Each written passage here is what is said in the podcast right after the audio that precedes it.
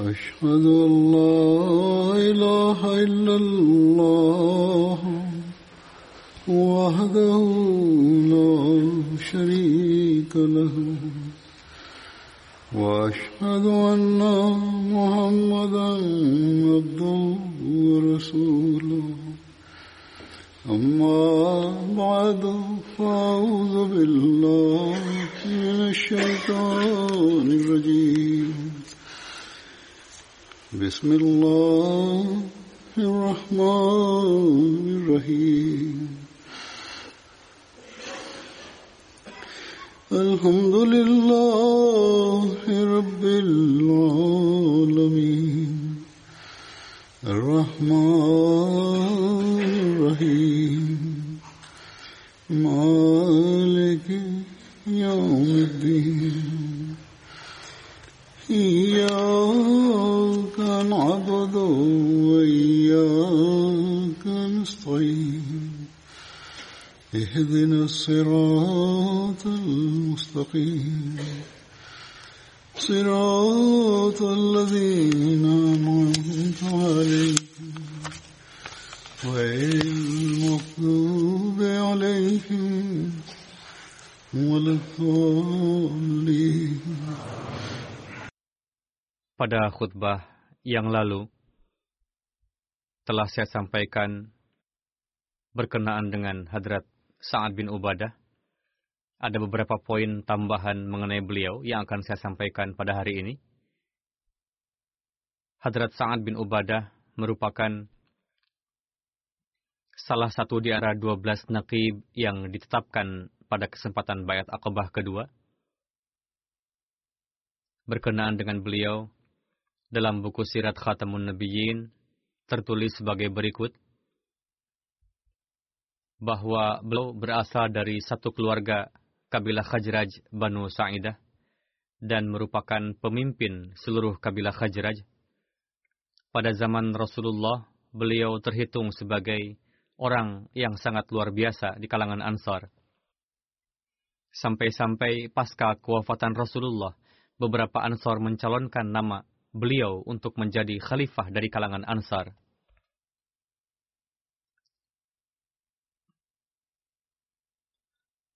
Beliau wafat pada zaman Hadrat Umar. Setelah Hadrat Sa'ad bin Ubadah, Munzir bin Amr, dan Abu Dujanah bayat masuk Islam,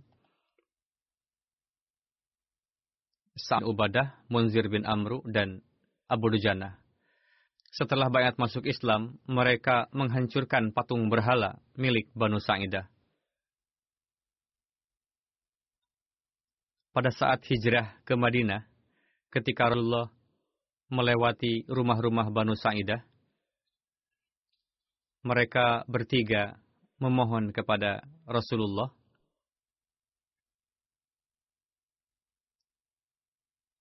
Wahai Rasul, Mohon kiranya Tuhan berkenan hadir di rumah kami. Karena kami memiliki kehormatan, harta, dan kekuatan. Hadrat Sa'ad bin Ubadah berkata, di antara kaumku tidak ada yang memiliki kebun kurma dan sumur lebih banyak dariku. Begitu juga kekuatan dan harta yang banyak.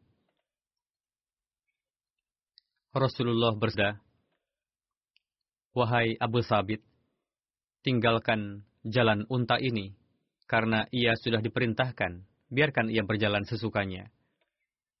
Hadrat Sa'ad bin Ubadah merupakan nakib Banu Sa'idah, seperti yang telah disampaikan sebelumnya. Rasulullah menjalinkan persaudaraan antara beliau dengan Hadrat Tulaib bin Umair yang hijrah dari Mekah ke Madinah.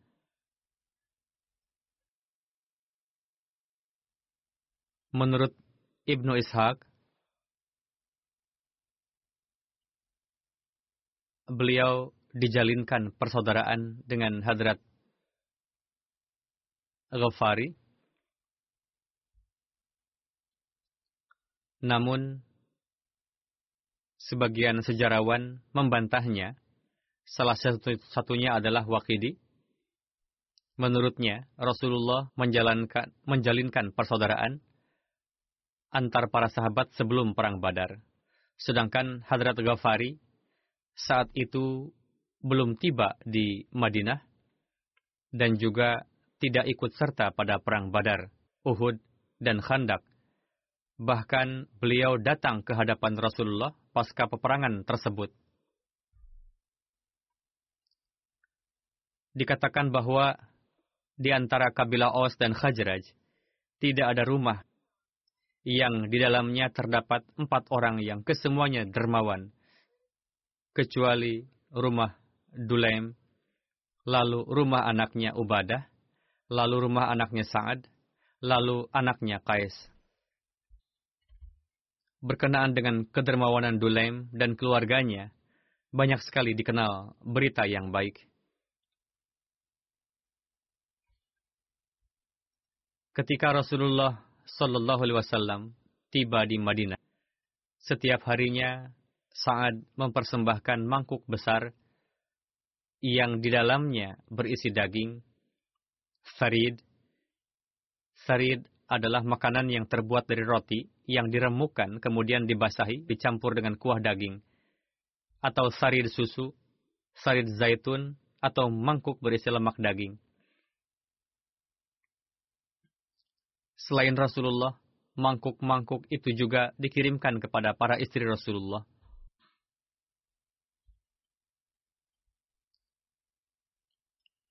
Dalam sebagian riwayat dikatakan, terdapat hari-hari di mana tidak ada makanan di rumah Rasulullah.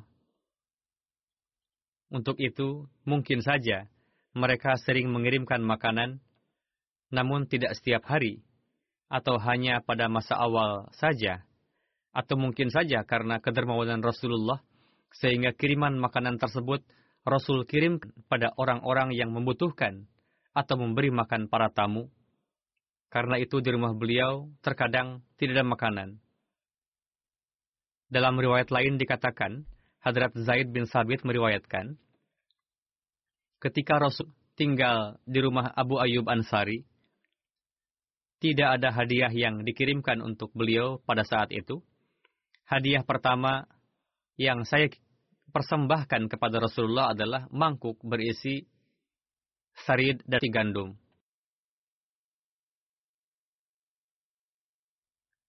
Saya berkata, masakan ini dari ibu saya untuk Tuan. Rasul bersabda, Semoga Allah memberikan keberkatan di dalamnya. Lalu Rasul memanggil sahabat untuk makan bersama. Baru saja saya sampai di pintu, datanglah Sa'ad bin Ubadah membawa mangkuk yang diangkat oleh hamba sahayanya di atas kepala.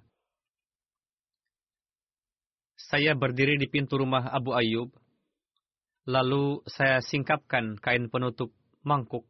Ternyata di dalamnya terdapat sarid yang di dalamnya merupakan campuran tulang daging untuk Rasulullah. Hadrat Zaid berkata, kami tinggal di rumah-rumah Banu Malik bin Najjar. Tiga atau empat dari antara kami setiap malam membawa makanan ke hadapan Rasulullah secara giliran. Rasulullah tinggal di rumah Abu Ayyub selama tujuh bulan. Selama masa tersebut, Hadrat Sa'ad bin Ubadah dan Hadrat Asad bin Durarah biasa mengirim makanan untuk beliau.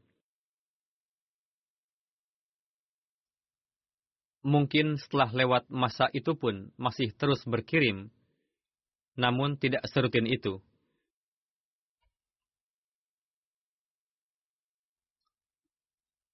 Ketika ditanyakan kepada Hadrat Ummi Ayub,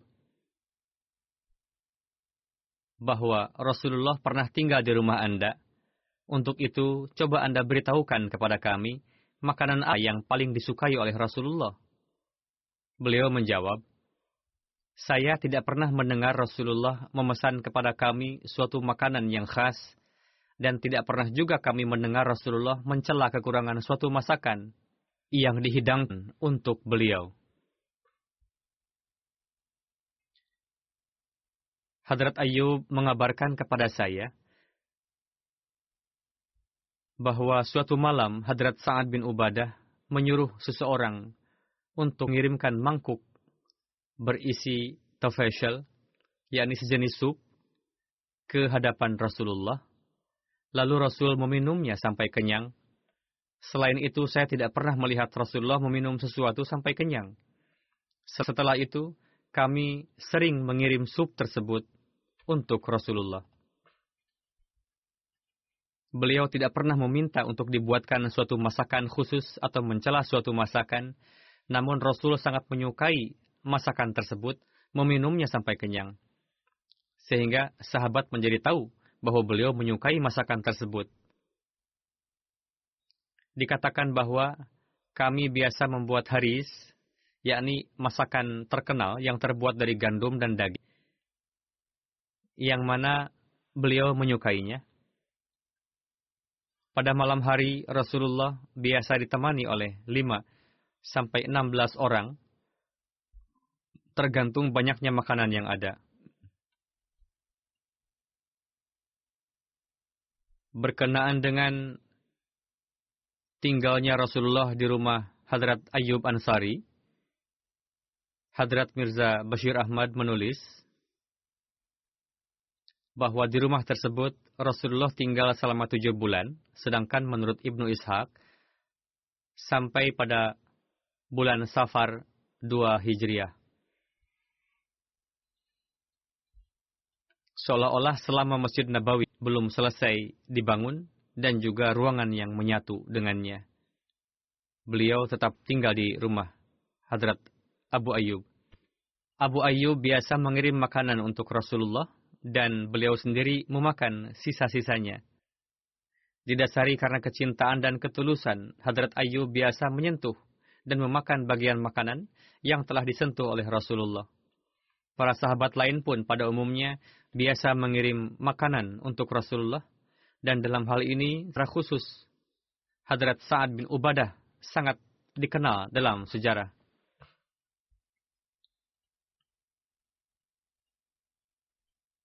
Hadrat Anas meriwayatkan, Hadrat Sa'ad bin Ubadah memohon pada Rasulullah untuk berkenan hadir di rumah beliau.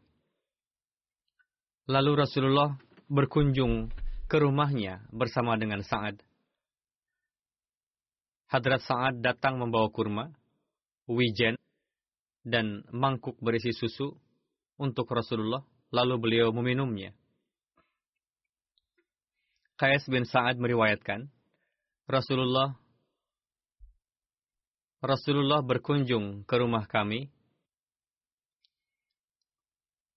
Rasul mengucapkan Assalamualaikum warahmatullah kepada penghuni rumah. Qais berkata, Ayah saya menjawab salam tersebut dengan suara pelan.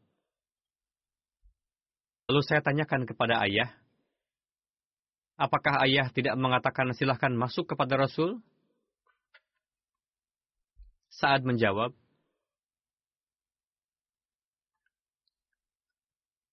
biarkan Rasulullah mengucapkan salam yang banyak kepada kita. Dengan begitu, dengan begitu, doa keselamatan Rasul akan tercurah kepada kita sebanyak-banyaknya. Karena tidak terdengar respons, akhirnya Rasul pun kembali. Kemudian saat mengejar Rasul dan berkata, Wahai Rasul, saya mendengar ucapan salam Tuhan, dan saya menjawabnya dengan suara pelan, supaya Tuhan terus menyampaikan salam doa keselamatan kepada kami. Lalu beliau kembali ke rumah Sa'ad. Sa'ad memohon kepada Rasulullah supaya Rasul berkenan mandi, lalu Rasul pun mandi, Lalu saat memberikan kain diwarnai oleh tumbuhan berwarna kuning yang tumbuh di daerah Ghafran dan Yaman. Lalu Rasul menutupi tubuh dengan itu. Kemudian Rasul mengangkat tangan bersabda, Ya Allah, curahkanlah salawat dan rahmat engkau kepada keturunan Sa'ad bin Ubadah. Diriwayatkan oleh Hadrat Anas bahwa suatu ketika Hadrat Rasulullah ingin berkunjung ke rumah Hadrat Sa'ad bin Ubadah.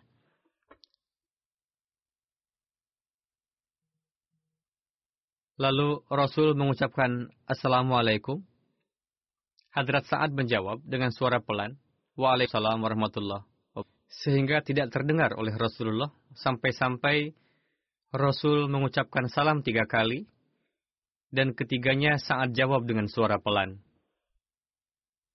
Lalu Rasul kembali pulang. Hadrat Sa'ad mengejar Rasulullah dan berkata, Ya Rasulullah, Sallallahu Alaihi Wasallam, ayah dan ibuku rela berkorban demi Tuhan. Saya telah mendengar semua salam yang Tuhan ucapkan dan juga telah menjawabnya. Namun saya pelankan sehingga tidak terdengar oleh Tuhan. Karena saya berkeinginan supaya dapat meraih doa keselamatan dan keberkatan yang sebanyak-banyaknya dari Tuhan. Lalu beliau mempersilahkan Rasul untuk masuk dan mempersembahkan kismis kepada Rasulullah. Setelah menyantapnya, Rasul bersabda, Semoga orang-orang baik senantiasa menyantap makananmu, dan semoga malaikat senantiasa memanjatkan doa untuk tercurah rahmat bagimu. Dan semoga orang-orang yang berpuasa dapat berbuka di rumahmu. Allama Ibn Sirin meriwayatkan, pada malam hari biasanya orang-orang mengundang satu atau dua orang di antara ahli sufah untuk makan di rumahnya. Namun Hadrat Sa'ad bin Ubadah mengundang sampai 80 ahli sufah sekaligus. Namun tidak jarang juga ahli sufah merasakan hari-hari yang lapar karena tidak ada makanan. Pada umumnya, para sahabat memperhatikan orang-orang miskin yang biasa menyertai Rasulullah dan paling banyak memberikan perhatian adalah Hadrat Sa'ad bin Ubadah. Satu tahun pasca kedatangan Rasulullah di Madinah, pada bulan Safar, Rasulullah berangkat menuju Abwa, suatu tempat yang berjarak 23 mil dari Jufa, Sahara Mekah, di mana terdapat makam ibunda Hadrat Rasulullah, yakni Hadrat Aminah, Bendera beliau pada saat itu berwarna putih. Pada saat itu Rasulullah menetapkan Hadrat Sa'ad bin Ubadah sebagai amir di Madinah. Diriwayatkan juga bahwa nama lain dari Ghazwa Abwa adalah Ghazwa Wadan.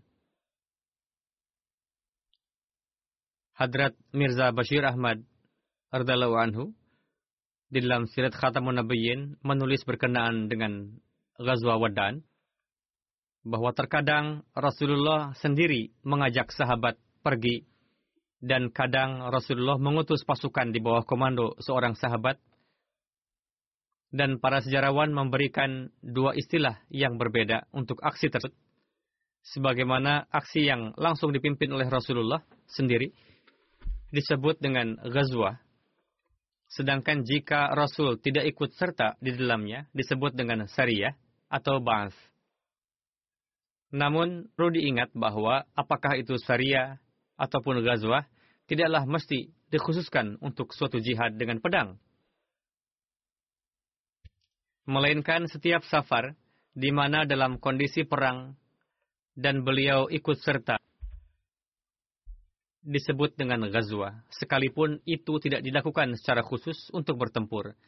Demikian pula, setiap safar yang dilakukan oleh suatu kelompok atas perintah Rasul diistilahkan oleh para sejarawan dengan sebutan siyah ataupun ba'as, sekalipun tujuannya bukan untuk berperang. Namun sebagian orang karena tidak faham, sehingga memahami setiap ghazwah dan syariah sebagai pertempuran. Padahal itu tidaklah benar. Telah disampaikan pada khutbah sebelumnya bahwa izin untuk berjihad dengan pedang turun pada tahun kedua pasca hijrah, yakni bulan Safar. Sebagaimana untuk menghadapi rencana jahat Quraisy dan berbahaya. Untuk melindungi umat Islam, diperlukan adanya upaya cepat. Untuk itu, pada bulan tersebut, Rasulullah mengajak satu kelompok muhajirin berangkat dari Madinah dengan mengucapkan nama Allah Ta'ala. Sebelum berangkat, beliau menetapkan Sa'ad bin Adah, seorang pemuka Khajraj, untuk menjadi amir di Madinah. Lalu beliau berangkat dari Madinah ke arah barat daya, menggunakan jalan menuju Mekah. Pada akhirnya, tiba di daerah Wadan. Kawasan tersebut dihuni oleh kabilah Banu Zamrah. Kabilah tersebut merupakan ranting Banu Kinanah, seolah-olah mereka merupakan saudara sepupu bangsa Quraisy.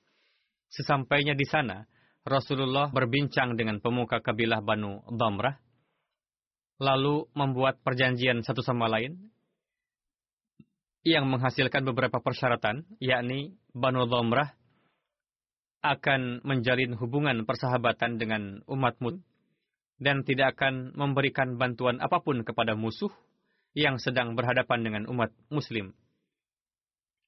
Ketika Rasulullah menyeru Banu Damrah untuk membantu umat Muslim, maka mereka datang segera. Di sisi lain, beliau berjanji dari pihak Muslim bahwa segenap umat Muslim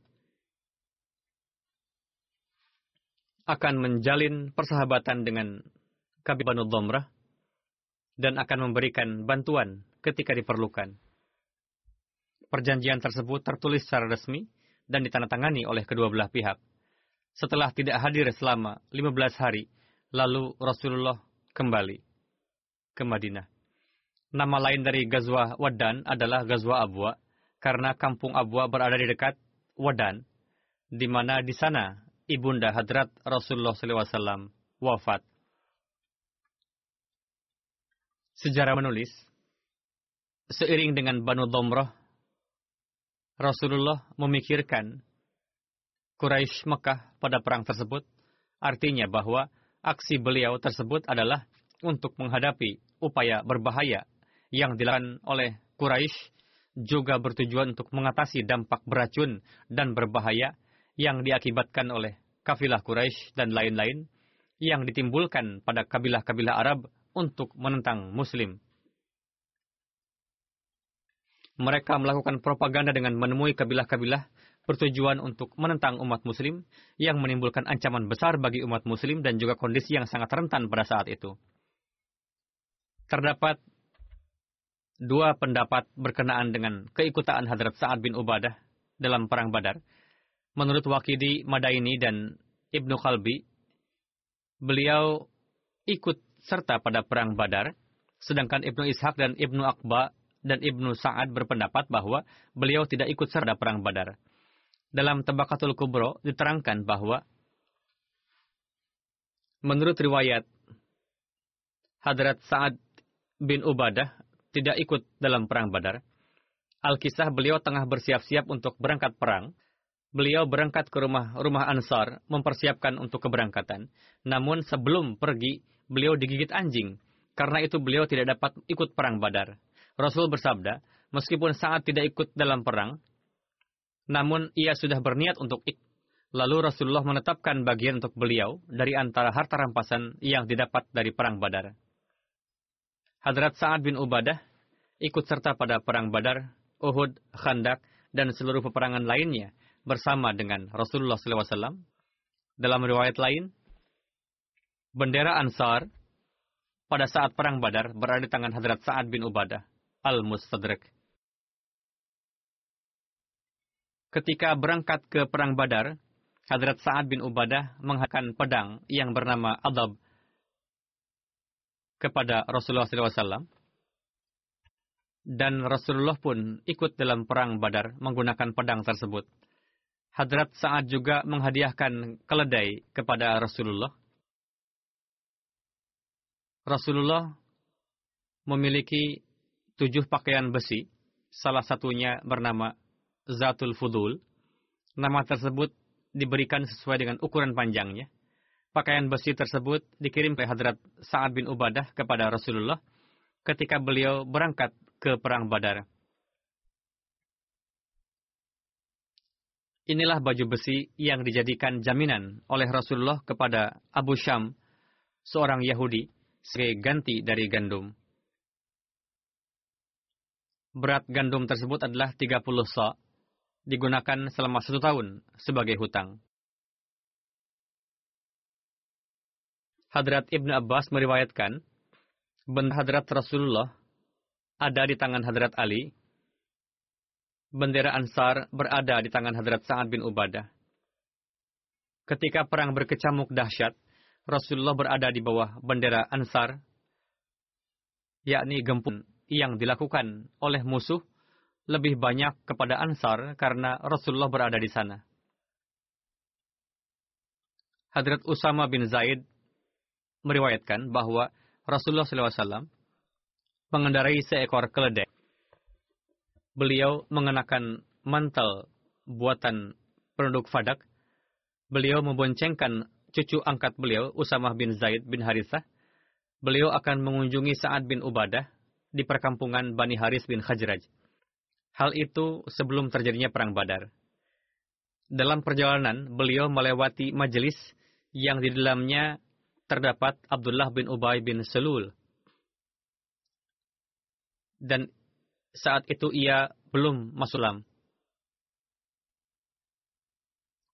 Dan ini merupakan peristiwa di mana Abdullah bin Ubay bin Sulul bersikap lancang kepada Rasulullah. Dalam majelis itu terdapat orang-orang Islam, orang-orang musyrik penyembah berhala, dan orang-orang Yahudi Abdullah bin Rawaha juga hadir dalam majlis itu.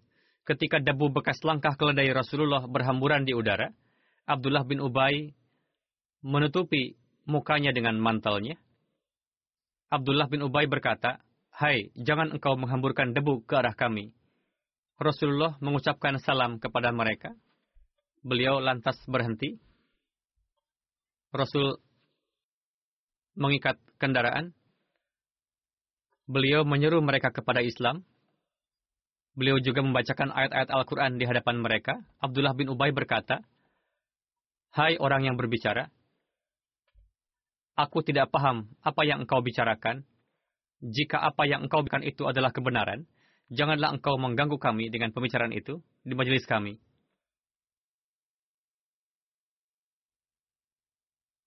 Ini pernah saya sampaikan sebelumnya. Pulanglah engkau ke rumahmu, barang siapa yang datang kepadamu, ceritakan saja kepadanya pembicaraan yang kamu ucapkan tadi. Abdullah bin Rawahah berkata, Tidak.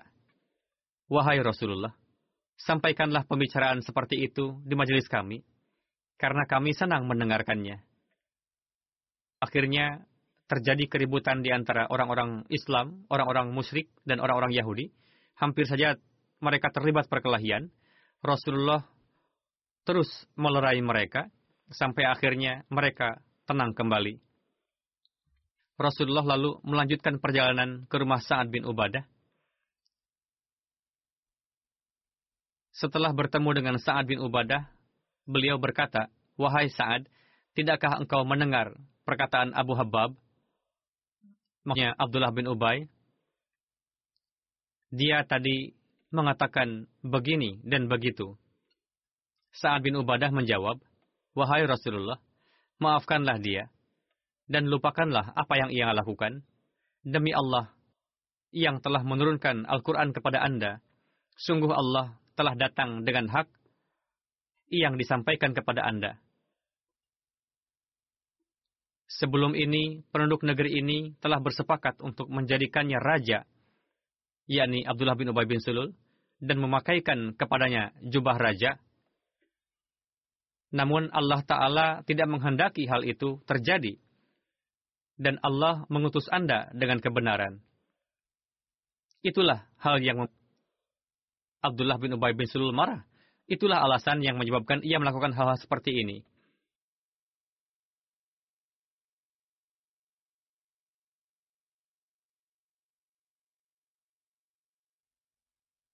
Atas saran itu, Rasulullah memaafkan Abdullah bin Ubay bin Sulul. Pada masa itu, Rasulullah dan para sahabat memaafkan orang-orang musyrik dan orang-orang Yahudi sebagaimana yang Allah perintahkan kepada mereka. Mereka besar atas gangguan orang-orang musyrik dan orang-orang Yahudi sebagaimana perintah Allah Ta'ala. Latublawunna fi amwalikum wa anfusikum ولتسمعن من الذين أو كتاب من قبلكم ومن الذين أشركوا أذى كثيرا.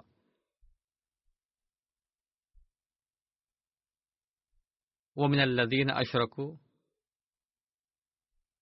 أذى كثيرا. وإن تصبروا وتتقوا فإن ذلك من عزم الأمور. Pasti kamu akan diuji dalam hal harta kekayaan dan jiwa. Dan kalian sungguh-sungguh akan mendengar dari orang-orang yang diberi kitab sebelum kamu dan dari orang-orang yang mempersekutukan Allah gangguan yang banyak yang menyakitkan hati. Jika kalian bersabar dan bertakwa, maka sesungguhnya yang demikian itu termasuk urusan yang patut diutamakan. Allah telah berfirman, Wadda kathirum min ahlil kitabi, Wadda kathirum min ahlil kitabi, Lau yaruddunakum min ba'di imanikum kuffara. Hasadan min indi anfusihim.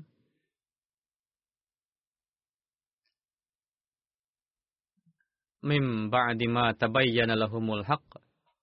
Fa'fu wasfahu hatta ya'ti Allahu bi amrihi. Innallaha ala kulli syai'in qadir. Sebagian ahli kitab menginginkan agar mereka dapat mengembalikan kamu kepada kekafiran setelah kamu beriman karena dengki yang timbul dari diri mereka sendiri setelah nyata bagi mereka kebenaran maka maafkanlah dan biarkanlah mereka sampai Allah mendatangkan perintahnya. Sesungguhnya Allah Maha Kuasa atas segala sesuatu. Rasulullah SAW memaafkan mereka sesuai perintah Allah Ta'ala tersebut. Sampai Allah Ta'ala memberi beliau izin untuk bertindak. Ketika Rasulullah menerjuni perang badar dan Allah menewaskan para pemimpin musyrik suku Quraisy Lalu Abdullah bin Ubay dan orang-orang musyrik serta penyembah berhala yang bersamanya mengatakan, sekarang jemaah ini luar biasa melihat kekalahan kaum kufar. Mereka menjadi yakin, lalu mereka beat untuk tetap teguh di dalam Islam. Pada kesempatan perang Badar, Rasulullah meminta musyawarah dari para sahabat. Para, pada kesempatan itu, Hadrat Sa'ad bin Ubadah berkata, diriwayatkan oleh Hadrat Anas bahwa ketika Rasulullah mendapatkan kabar akan datangnya Abu Sufyan, Hadrat Abu Bakar berbicara, namun Rasulullah menolaknya. Selanjutnya Hadrat Umar berbicara, ingin memberikan saran, namun Rasulullah menolaknya. Lalu Hadrat Ubadah berdiri dan berkata, Wahai Rasulullah, Tuhan meminta saran dari kami. Demi zat yang jiwaku berada di tangannya. Jika seandainya Tuhan memerintahkan kami untuk melompat bersama kuda kami ke samudra, maka kami akan melompat. Dan jika Tuhan memerintahkan kami untuk menyerang Barkul Imad, sebuah kota di Yaman berjarak lima malam perjalanan dari Mekah, terletak di pinggir laut, maka pasti kami akan melakukannya. Lalu Rasulullah memanggil orang-orang. Mereka berangkat hingga turun pada perang Badar. Setelah mendengar itu, lalu Rasulullah berangkat ke Badar bersama dengan Sa'ad. Di sana datang para pria Quraisy pembawa air, di antaranya adalah seorang pria berkulit hitam dari Banu Hijaj. Mereka menangkap pria tersebut Lalu para sahabat menginterogasinya, menanyakan ke Abu Sufyan dan kawan-kawannya, karena menurut kabar bahwa Abu Sufyan bersama dengan pasukan jumlah besar akan datang.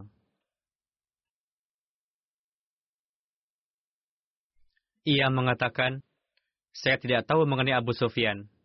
Akan tetapi Abu Jahal, Utbah, Syaibah, dan Umayyah bin Halaf pasti ada di sini.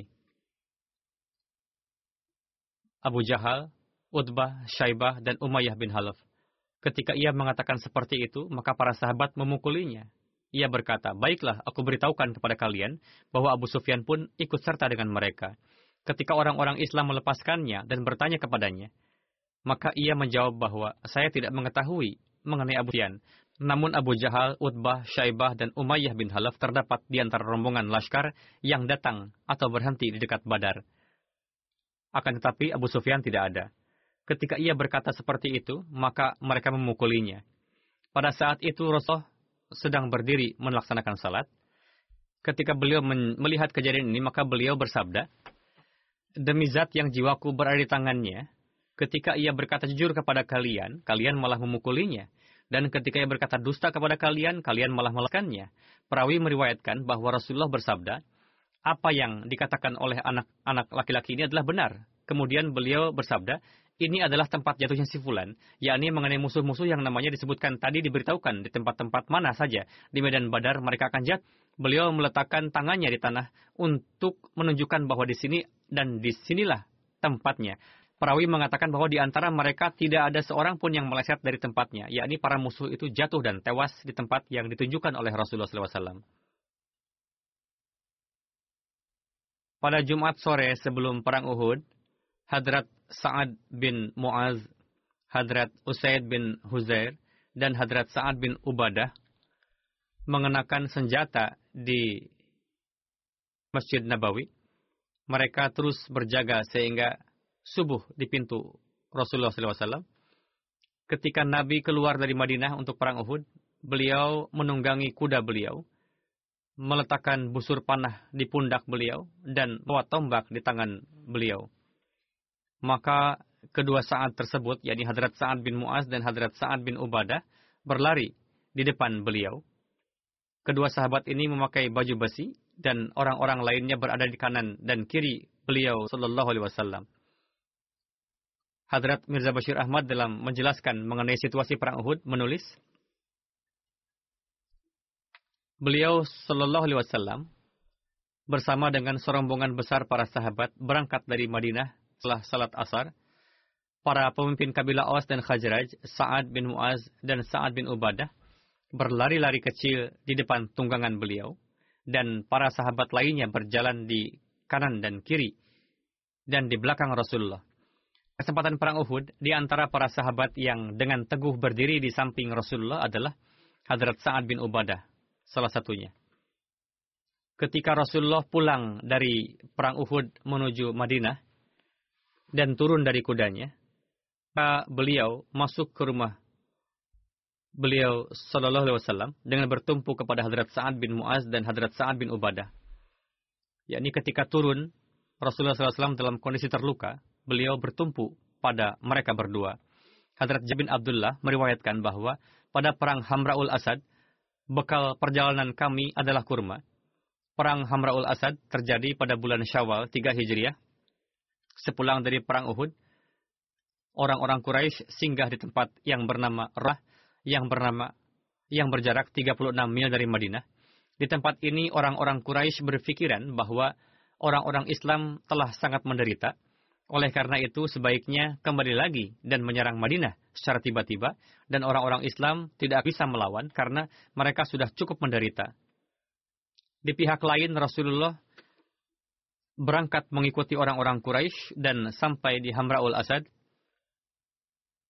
Beliau mengetahui niatan mereka tersebut dan berkata, Ayo kita ikuti mereka. Hamraul Asad berjarak 8 mil dari Madinah ke arah Dhul Halifah. Ketika Laskar Quraisy mendapatkan kabar mengenai Rasulullah, mereka melarikan diri menuju Makkah Ketika mereka melihat orang-orang muslim meskipun sedang dalam kondisi lemah datang untuk menyerang, maka mereka melarikan diri. Perawi menulis bahwa Hadrat Sa'ad bin Ubadah membawa 30 unta dan kurma-kurma yang lebih dari cukup bagi kami untuk bekal hingga Hamraul Asad. Unta tersebut dibawa dan disembelih dua atau tiga ekor untuk dimakan setiap harinya. Ketika terjadi perang Banu Nazir pada bulan Rabiul Awal tahun 4 Hijriah, Rasulullah SAW mengepung benteng-benteng kabilah Yahudi Banu Nazir selama 15 hari. Rasulullah mengusir mereka ke arah Khaybar.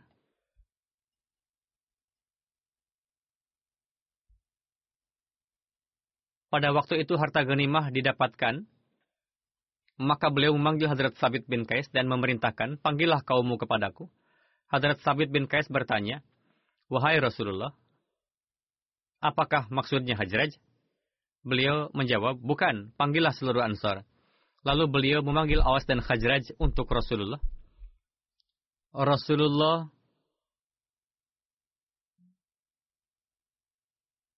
jelaskan perihal puji sanjung kepada Allah Ta'ala. Kemudian beliau menyebutkan kebaikan-kebaikan yang dilakukan oleh Ansar kepada muhajirin. Bagaimana mereka telah berbuat ihsan kepada orang-orang muhajirin. Kalian menempatkan mereka di rumah-rumah kalian dan mengutamakan mereka di atas diri kalian sendiri. Kemudian Rasul bersabda, jika kalian menyukai, saya akan membagikan secara merata harta fa'i, yaitu harta yang didapatkan orang-orang Islam dari orang-orang kafir tanpa peperangan yang didapatkan dari Banu Nazir kepada kalian dan muhajirin.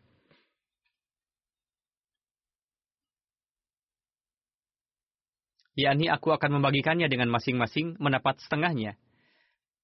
Maka baiklah, sebagaimana perbuatan kalian sebelumnya kepada kaum muhajirin, lanjutkanlah perlakuan itu. Mereka tetap tinggal di rumah-rumah kalian. Ikatan persaudaraan juga tetap tegak, sebagaimana yang telah berlangsung namun jika kalian menyukai, maka harta ini akan aku bagikan kepada kaum muhajirin, yang dengan itu mereka akan keluar dari rumah kalian. Mereka akan mendapatkan seluruh harta itu, namun mereka akan keluar dari rumah kalian. Tidak ada lagi hak yang sebelumnya telah ditetapkan. Atas hal ini, Hadrat Sa'ad bin Ubadah dan Hadrat Sa'ad bin Mu'az jawab, Ya Rasulullah, silahkan bagikan harta ini kepada kaum muhajirin, dan mereka akan tetap tinggal di rumah kami sebagaimana sebelumnya. Kami tidak memerlukan harta ini, bagikanlah oleh Anda seluruh harta ini, tidak perlu memberikannya kepada kaum Ansar, namun hak yang kaum muhajirin dapatkan dengan tegaknya persaudaraan muhajirin dan Ansar, yakni hak untuk datang dan pergi ke rumah-rumah kami, ini akan tetap seperti sebelumnya. Dan para Ansar dengan suara lantang katakan, Ya Rasulullah, kami rela dan tunduk patuh. Mendengar ini Rasulullah bersabda, Ya Allah, kasihilah orang-orang Ansar dan anak keturunan mereka.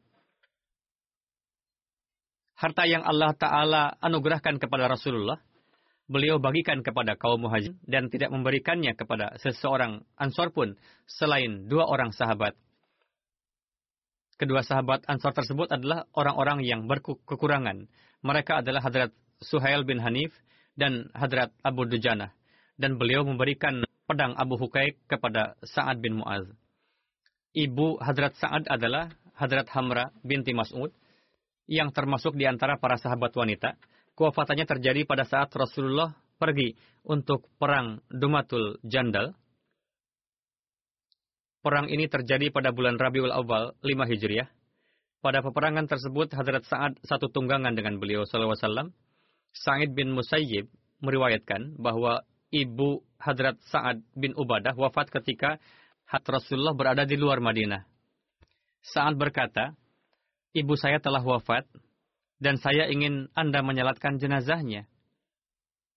Rasulullah menyalatkan jenazah beliau, meskipun beliau telah wafat satu bulan sebelumnya.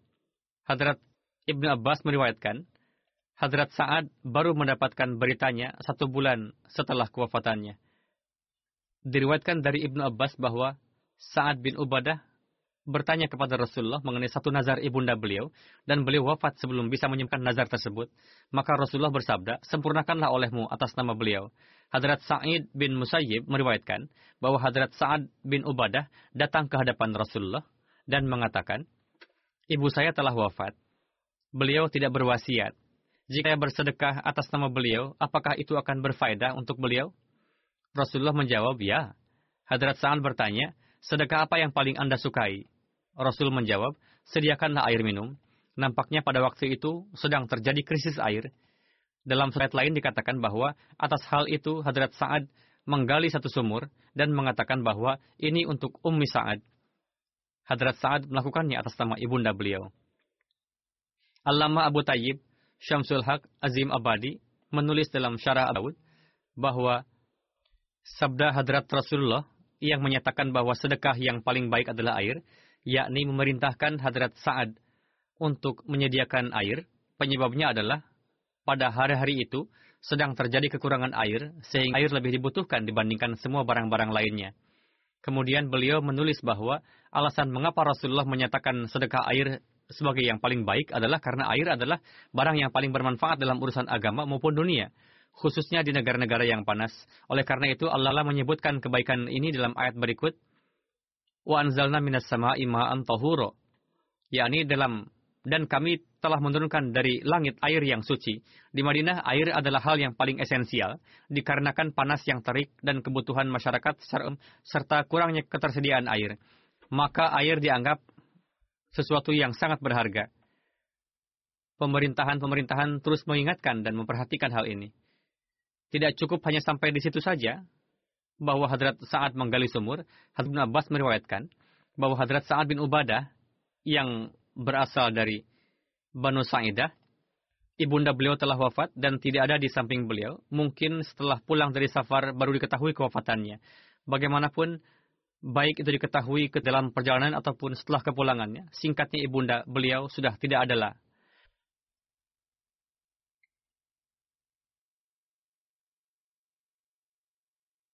Dan pada saat itu, beliau memohon ke hadapan hadrat Rasulullah, mengatakan bahwa saya waktu itu sedang tidak ada. Apakah sedekah yang saya berikan atas nama beliau akan memberikan manfaat bagi beliau? Maka Rasulullah menjawab, Ya. Maka beliau mengatakan, Ya Allah, aku menjadikan engkau sebagai saksi bahwa kebunku, makhraf, sebagai sedekah atas nama beliau. Beliau sangat dermawan dan membantu orang-orang miskin dan seseorang yang sangat senang menolong. Mengenai riwayat mengenai beliau insya Allah masih akan terus berlanjut pada kesempatan yang akan datang.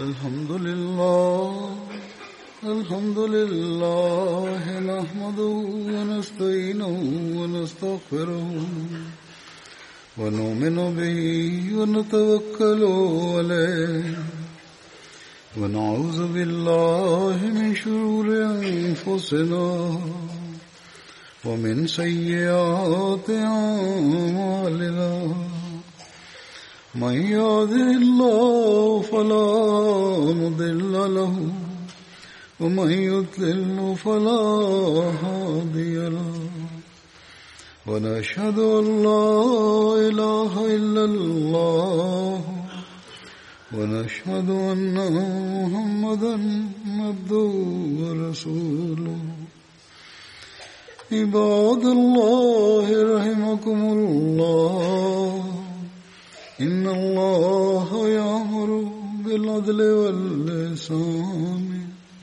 وإيتاء ذي القربى وينهى عن الفحشاء والمنكر والبغي يعظكم لعلكم تذكرون اذكروا الله يذكركم وادعوه يستجب لكم ولذكر الله أكبر.